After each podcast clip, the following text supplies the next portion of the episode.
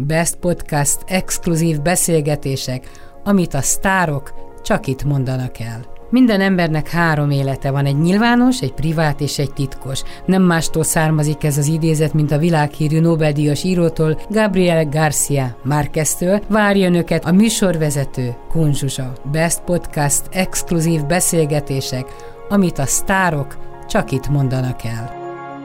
Frenák Pál, táncművész, koreográfust, harangozódíjas művész, sok-sok szeretettel köszöntöm. Miért pont Franciaországban, vagy miért vagy most Franciaországban, miért nem Magyarországon? Mitől függ, hogy éppen hol vagy a világban? Az utolsó tíz évben, mert ugye megalakítottuk a társulatot egy jó tíz éve Budapesten, amikor abba hagytam a francia társulatot. Most már több is talán, ja igen, most már jó volt, most már tíz, tíz évén, már, ez már van vagy 15 is inkább, mert ugye akkor, amikor megalakítottuk a magyar társulatot, akkor úgy döntöttem, hogy a francia társulatot feloszlatom. Egyrészt, mert hát nagyon nehéz volt, egy ideig volt ez a két társulat lehetőség, ez túl komplikált volt, úgyhogy utána én arra gondoltam, hogy most Magyarországon van az a lehetőség, hogy a, akkor, 15 évvel ezelőtt, amikor a Trafo megalakult, akkor, akkor megalakítottam a magyar társulatot, és akkor fokozatosan ugye hát visszamentem, és akkor ezzel lebontottam a francia társulatot, Hát egyrészt az, az egy érdekes dolog, hogy ugye amíg a franciák is ugye mindig beszélünk a nyitottságról, meg erről arról, de amikor a franciák is nagyon látták, hogy már nagyon magyarosítom megint magam, mm. akkor már kicsit hirtelen nem voltam elég francia társulat, akkor Magyarországon még nem voltam elég magyar társulat, ebből egy ideig volt egy konfliktus, és akkor hát láttam, hogy ez csak egy szép parol, hogy demokrácia és együttműködés és Európa, meg kiderült, hogy mindenki magáinak szeretné tudnia azt a társulatot, és úgy döntöttem, hogy akkor az akkori helyzetben úgy láttam, hogy sokkal érdekesebb Magyarországon dolgozni. Akkor volt ez a Ferveszan, ez a, a kortástánc kialakulása. Én szerintem az én műveim és az én munkám nagyon erősen befolyásolta a kortástánc fejlődését Magyarországon, úgy, mint a, akár a Juranics Tamási vagy Bozsiki Veté, tehát van egy-két olyan személyiség Magyarországon, ahol be én is szerintem nagyon erősen befolyásoltam a kortástánc fejlődését, főleg abban a vonatkozásban, hogy ugye én nagyon kötöttem más művészi ágakhoz, ugye az architektúrhoz, mint a filozófiához, meg vagy a, vagy a festmészethez, tehát én nagyon sokat inspirálottam Francis Baconből, Michaudból, Gilles Deleuze filozófiából, tehát akkor ez szerintem elég rendhagyó volt az a térforma rendszer, az a gondolkodási forma, ahogy én megközelítettem a darabajaminak a kreatív mi voltját. Tudod, az jut eszembe, hogy te 1957-ben születtél, 63 fora, igen. igen, igen, 63 igen. éves leszel most hogy Igen. abban a szerencsében volt részed, hogy bár te egy nyolc gyerekes családban nőttél föl, te voltál a nyolcadik gyerek, a szüleid siketnémák voltak, hogy vajon, ha ma 2020-ban egy ilyen gyerek megszületik, milyen esélyekkel indul az életbe? Tehát ilyen messzire juthat, ilyen magasra juthat, mint te, egy világutazó lehet, egy világpolgár, egy, egy filozófikus gondolkodású, művelt, intelligens ember, mert olyan sokat elvet most az élet ezektől a fiataloktól, akik hátrányos helyzetben születnek. Igen, ez nagyon érdekes, amit most felvetsz, mert én is nagyon sokszor mondják, hogy de hát te, aki nyolcadik gyerek voltál, siketek és nagyot halló szerén nőttél fel, ugye a verbalitásba úgy csöppentél tettél bele, hogy azt visszautasítottad, és nagyon sokáig szinte debil gyereknek néztek. Aztán nyolc évig, ugye közben nyolc évig árvaházszerű intézet, nevelőintézetben nevelkedtem, hogy húha, hogy micsoda borzasztó sorsod lehet, meg mennyit szenvedhettél. És nagyon érdekes, hogy így visszanézve én úgy érzem, hogy, hogy igen, ott akkor voltak évek, amikor az nagyon nehéz volt átvágnom magamat de azt látva, hogy mennyi, mennyi, mennyi risesz, tehát hogy mennyi, mennyi milliónyi kaput nyitott meg utána az élet számomra, nyilván ehhez kellett az a belső akarat, az a hit, ahogy én azt eldöntöttem már, amikor beadtak az intézetbe 8-9-10 éves koromban, hogy nekem valahol egyszer ugye valami kreatív dologban meg kell találni magam, de ne felejtsd el, hogy akkor az a gyerek ugye túl kellett, hogy lépjen a saját fájdalmán, valamit meg kellett találni, és én emlékszem, hogy a saját testemet egy előtt, hogy gyötörtem, kerestem magam, Aztán lassan átláttam ezen a szenvedő gyereken, és megláttam egy perspektívát a tükrön keresztül, kinyitottam egy perspektívát, és akkor elkezdtem kreálni már nagyon korán. De hogy visszatérve a, a, a kérdésedhez, hogy ma, hát én úgy gondolom, hogy ma a fiataloknak, az új generációnak tényleg nagyon nehéz dolga van. Ha csak azt látom, hogy az új, új akár a kortárs táncvonalon az új felnövő generációt is, hogy van ez a gyors rotáció kérdés, hogy gyorsan forgalmazni, gyorsan csináljanak valamit, és akkor eljön az egyik, már dobják is. Tehát, hogy nem igazán adjuk meg azt a lehetőséget, hogy kreatív mi voltjukat kifejleszték, hanem ez a gyors volt. Tehát ez a gyors fogyasztási társadalom. Tehát, hogy, tehát minden, és én azt látom, hogy nem tud, nem tud kitermelődni egy új kreatív generáció, mert generáció, mert annyira hajtjuk őket, annyira ők is magából, de ki tudják, tehát itt két, ilyen két-három perces művészek születnek, és akkor nagyon gyorsan elsüllyednek a sülyeztőbe.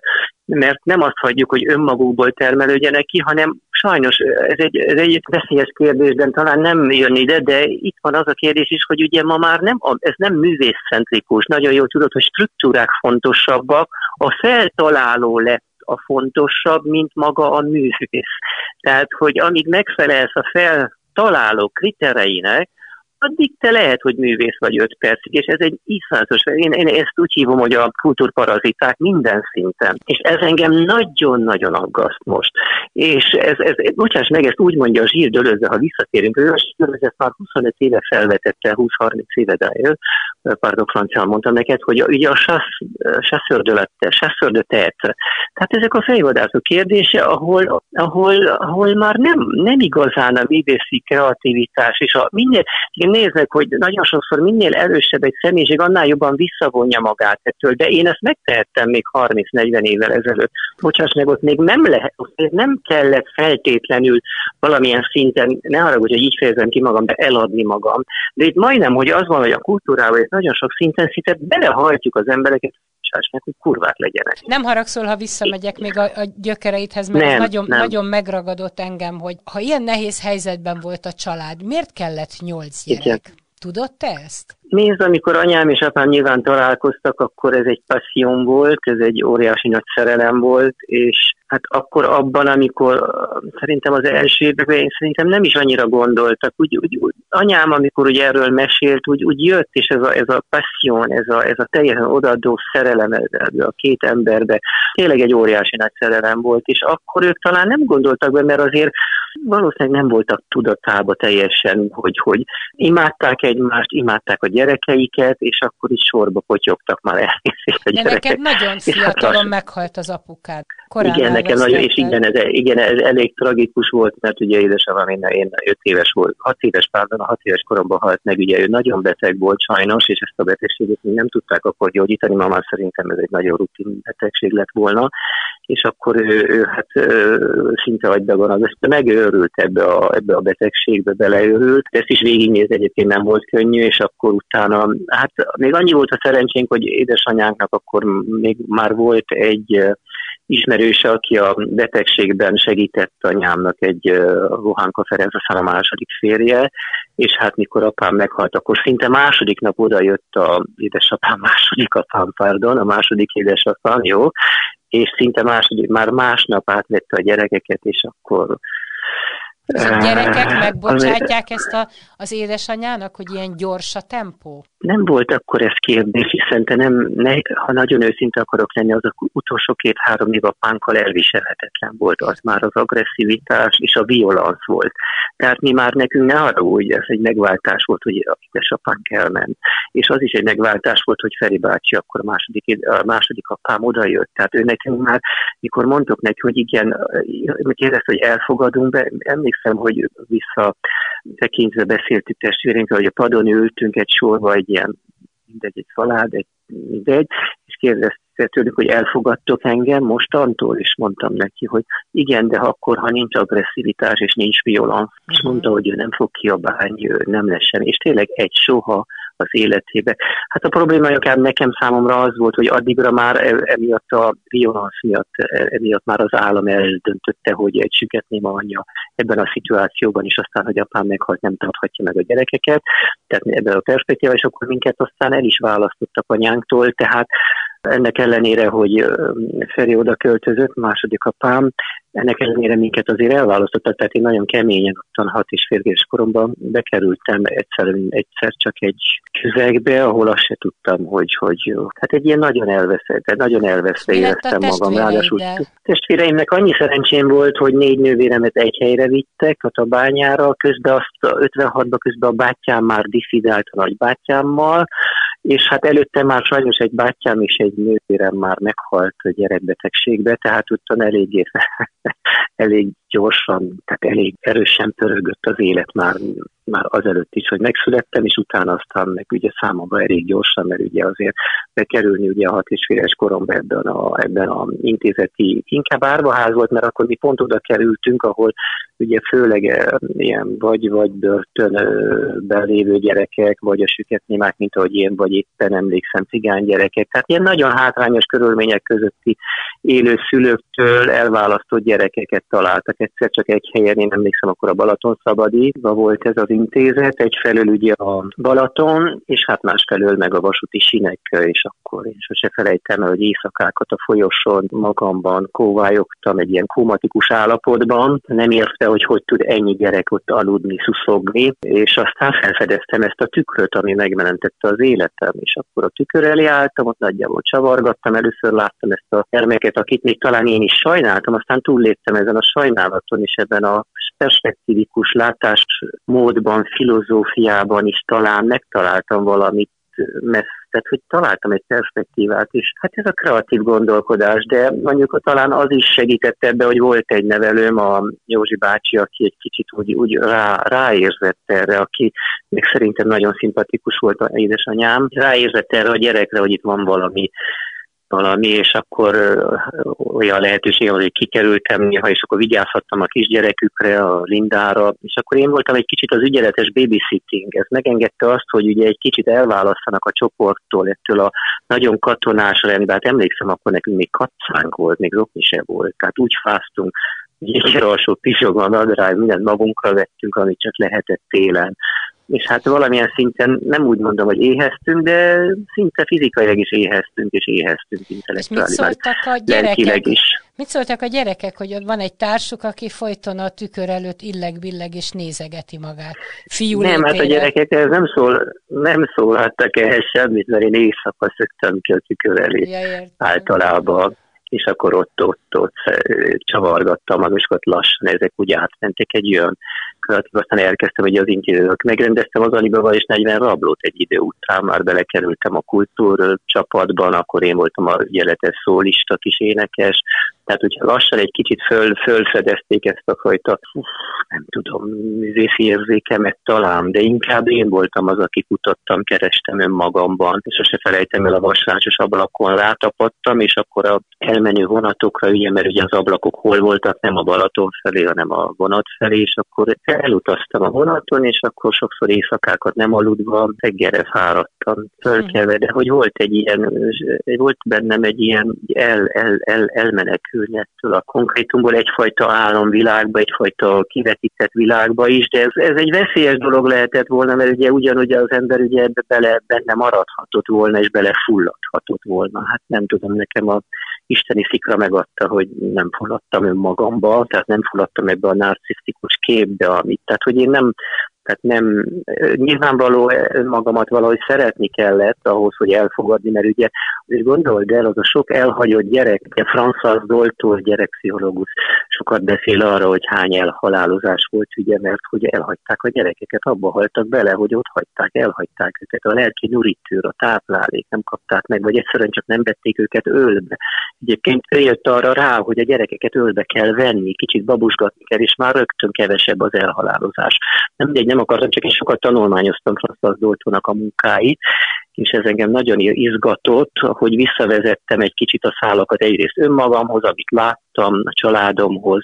Tehát azért ezen az embernek át kellett rágnia magát, felszínre kellett kerülni, mert különben azért gondold el, ha felszínre is kerül valaki, és kreatív érzései, potenciája van, és mi van akkor, ha benne marad ebbe a narcisztikus önlátásmódban, vagy mi van benne, hogyha, mi van akkor, ha benne marad ebbe a autobiográfus indításba. Ugye én, amikor a, meg, megkreáltam a gördeszkát, az első darabomat, ami, ami a, a bezártságról, a gyerekekről szól, Látod, azért tudtam átvetíteni, mert átvetítem az a gyerek, aki a rácson keresztül nézett ki, az megláttatta a milliónyi szenvedő gyermeket, és nem a Frenák Pál láttatta meg önmagát. És ez egy óriási nagy különbség, egyébként erről írta Mond, a Le Monde, amikor ez megjelent ez a darab, hogy mennyire meglepő, hogy az első darabja ennyire érzelemtelített, miközben ennyire és feszültséget okoz. Igen. Igen, és, hogy és, és ugyanakkor meg kivetítem, mert a végén szinte elszállnak a, a táncosok, már egyébként vertikálisan olyan szenigráfia elemek is vannak, mindig behozok olyan elemet,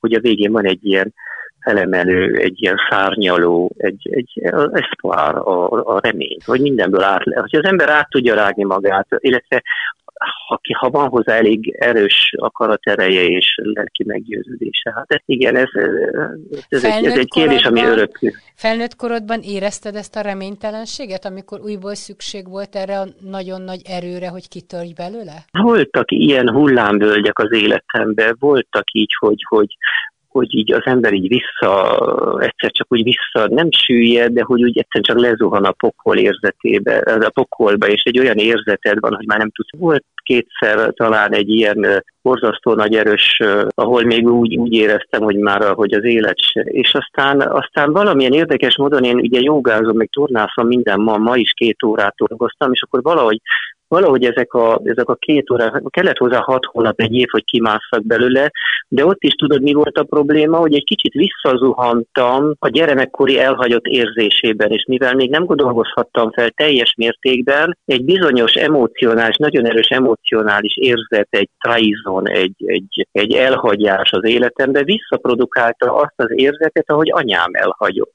És ez a másodszor megtörtént érzet még messzebbre egyszerűen lesüllyedtem olyannyira, hogy, hogy szinte az életet el akartam venni magamtól, és akkor aztán és nagyon akkor lassan ebben a... elhagyott valaki, vagy csak az érzés jött vissza? Hát, hogyha őszintének akarunk lenni, akkor valóban megfordultak, igen. Tehát, hogy egy Tehát ilyen szájízban történt. igen.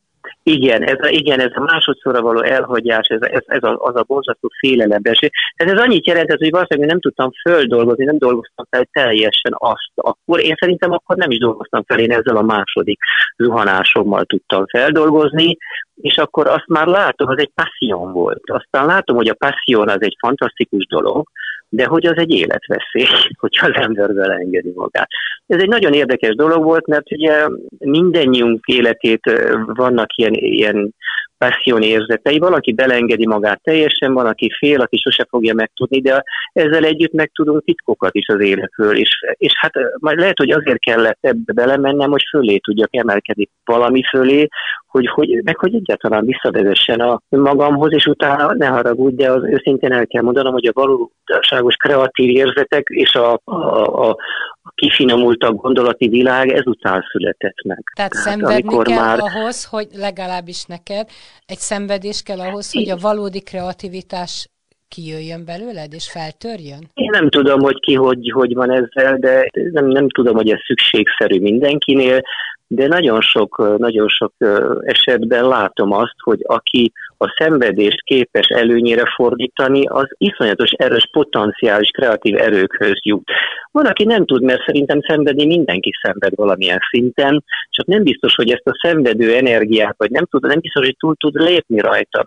És itt egyébként a kreatív munkáim valószínűleg azért is érintik meg az embereket, mert valószínűleg érzik benne azt, hogy, hogy ezek az emberek átrátták valamin már Meg magukat. hogy valós ezek az emberek. ezek, valós érzések, azt igen, az ember. Igen, igen hogy, hogy, hogy igen, amit most megfogalmaztál, én úgy gondolom, hogy amikor egy darabot látnak az emberek, ezt lehet szeretni vagy nem szeretni, de hogy őszinte érzete, érzetek, gondolatok, asszociációk, gondolati lehetőségek, érzelmi lehetőségek, sőt, még fizikai állapotodra is reflektál, tehát te nézheted a darabot, és mondhatod azt, hogy fizikálisan érheted, érezheted magad rosszul, vagy akár lelkileg, vagy akár szellemileg, de nem, de nem azért, mert hogy mi azt akarjuk, hogy te rosszul érez magad, csak azért, mert beletaláltál valami olvashatóságba, ahol valamit visszatalálsz, mert a, ebben az asszociáció olvashatóságban te megtalálsz valamit, amit egyébként nem találtál meg volna, de ezen a, az előadáson keresztül megláthatunk dolgokat, és ebből te pont ráérzel valamire, ami lehet, hogy neked is segíteni fog, mint nézőnek túllépni valamin,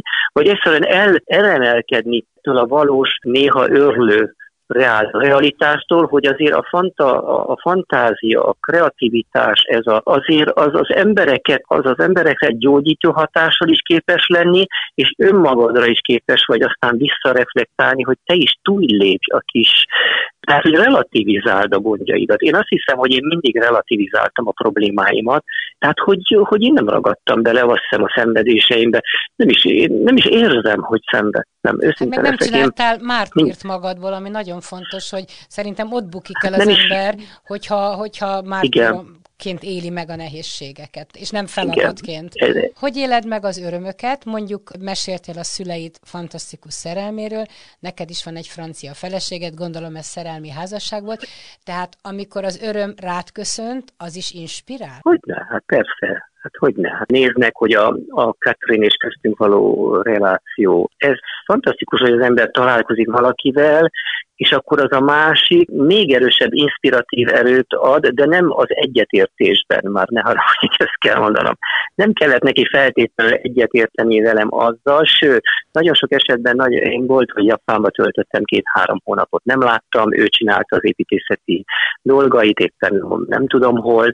Tehát, hogy én szerintem a mi házasságunk, az, hogy 35 éve még együtt vagyunk, ennek ha, ha van egyáltalán titka, ez abból ered, hogy mind a kettőnk megtartott ezt a kreatív szabadságát, és sose kérdeztük, hogy hova mész, mit csinálsz, már abban az értelemben, hogy számonkérésben, hanem abban az értelemben, hogyha nem tudtunk együtt lenni, akkor morálisan szellemileg, lelkileg én volt, hogy hónapokat töltöttem Magyarországon, és csak telefonon voltam kommunikációban a, Katrinnal, de mindig tartott engem lelkileg. Ugyanígy voltam én vele, de az is nagyon őszintén meg kell mondanom, hogy az első kreációm, egy Párizson megalkottam, ő bejött és azt mondta, hogy úristen, már elnézést, ezt a nagy pom-pom-pom, ez kellett három hónap, hogy ezt megcsináld. És akkor nem értettem, mert, mert azért, mert ő már benne volt egy kortárs művészetű, ugye a, a, a nagy, nagybátyja, a Jean Olivier Üklő, a Cézárral egy, egy, egy, egy nagyon elismert kortárs kortárs festő, és hát az, az egész építészet, a kortárs építészet, ugye azért mégiscsak ő nyitotta ki a szememet. Én egy neoklasszikus stílusban ottan toporgáltam az elején, és mondta, hogy ne haragudj, ez kit érdekel az, hogy te olyan, olyan dolgokat mutass meg, amit te valahol összeszedtél össze, és hogyha nincs neki belső, tehát hogy a,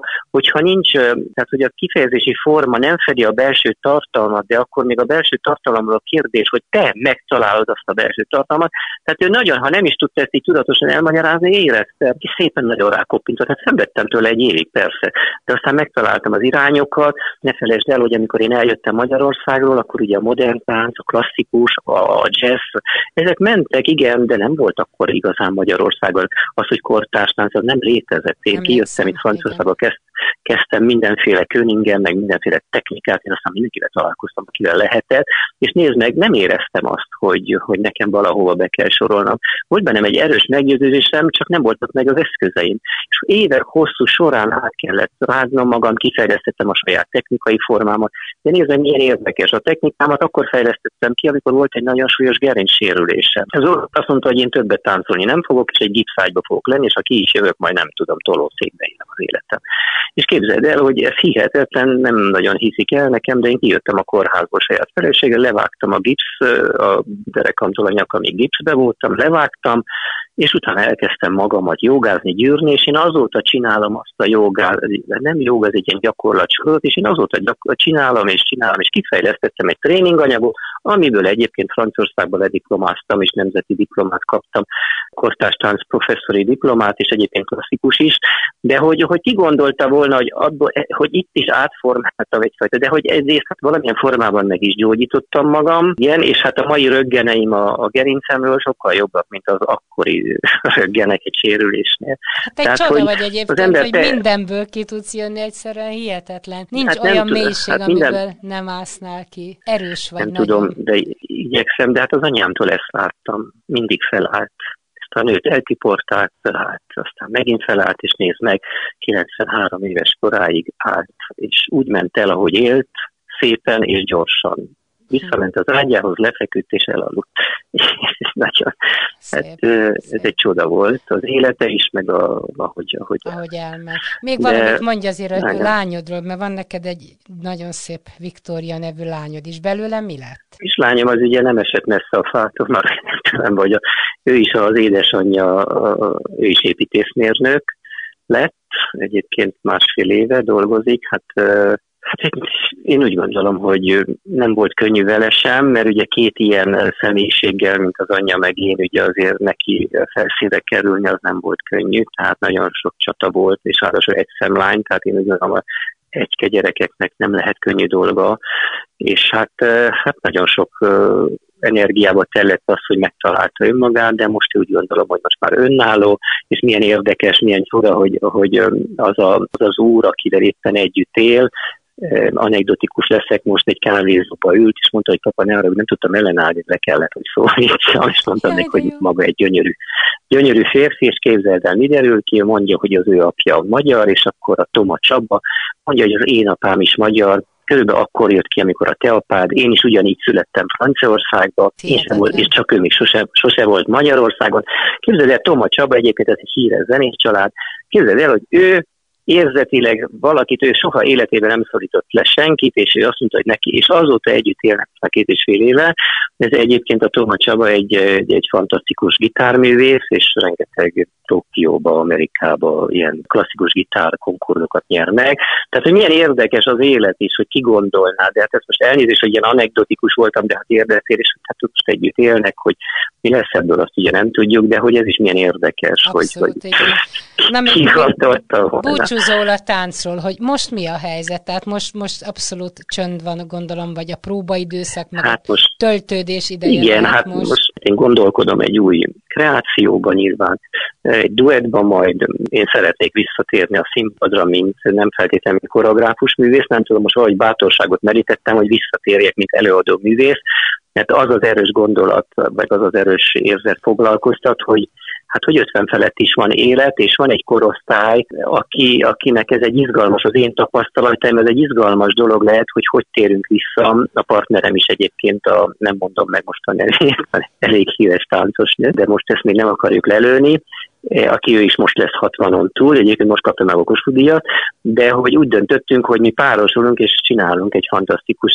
találkozót, azt nem tudjuk, hogy az a, a, a darab mi lesz, de két olyan tapasztalt, inkább az utolsó 40 évben koreográfiával foglalkozó lény, aki úgy dönt, hogy most visszamegy a színpadra, és nem tudjuk, szeretnénk valamit, valamit megmutatni abból a testtapasztalatból, ami már nem lehet csak test, hiszen a lelkület és a szellemiség valahogy ez már átörlődött a testünkön, vagy a testünk örlődött ezen keresztül, már nem tudom, hogy fogalmazom meg, de annyira szeretném, hogy, hogy, hogy, hogy annyira látom azt, hogy úgy szenved, igazad van, az új generáció is szenved, de minden generáció szenved már az elfogadással. Azt, hogy egy korosztályt milyen könnyen leírhatunk. Tehát, hogy én azért azt nagyon látom, én nagyon sokan szenvedek attól, hogy azt látom, hogy 50-60 éve túl az embereket hogy írják le, vagy önmagukat hogy engedik el, mert hogy azt hiszik, hogy reménytelen. Nem tudom, én valahogy szeretném elmondani, hogy nincs, hogy nincs, nincs. Én Kazónot 94 éves korában láttam még mozogni, és és nagyon meggyőzően hatott rám. És tudod, az is Tehát, egy hogy, szép hogy, gondolat, hogy vállalod esetleg, hogy a, a tested, a bőröd már nem olyan, mint ne, 20 évesen. És nem hogy kell ne. Fiatalabbnak hát látszani, mint amilyen valójában nem, az nem. ember. Én nem csak, hogy vállalom ezzel, én úgy gondolom, hogy nem szabad hogy néznek hányan a saját ön, ön imázsába fulladnak bele, hogy milyen szomorú, amikor egy művész nem tud nemesen megöregedni. Hát nem borzasztó azt látni, hogy nagyon sokan múltjukba kapaszkodva próbálnak a jelenbe sikeres élményeket szerezni, ahelyett, hogy megélnék a valóságos jelent, a, önmagukat a valóságával. Pali, nagyon szépen köszönöm neked, Frenák Pár táncművész koreográfus volt a vendégem. Nagyon-nagyon köszönöm, mert nagyon őszinte voltál, és örülök neki, mert ez mindig hozzáad az ember életéhez, ha nem, nem smúzolunk, hanem az igazat és a valódit mondjuk. Neked sok sikert kívánok, hogy megvalósítsd ezt az álmodat azzal a Kossuth korodbéli művésznővel, és feltétlenül szeretnélek majd megnézni, gondolom a trafában tértek majd vissza, mert az a te törzsé. Reméljük, hát igen. Én is köszönöm, hogy beszéltünk, és hát mindenkinek egészséget, és Neked koronavírus mentességet kívánok. Best Podcast exkluzív beszélgetések, amit a sztárok csak itt mondanak el. Minden embernek három élete van, egy nyilvános, egy privát és egy titkos. Nem mástól származik ez az idézet, mint a világhírű Nobel-díjas írótól, Gabriel Garcia Márqueztől. Önöket a műsorvezető Kunzsuzsa. Best Podcast exkluzív beszélgetések, amit a sztárok csak itt mondanak el.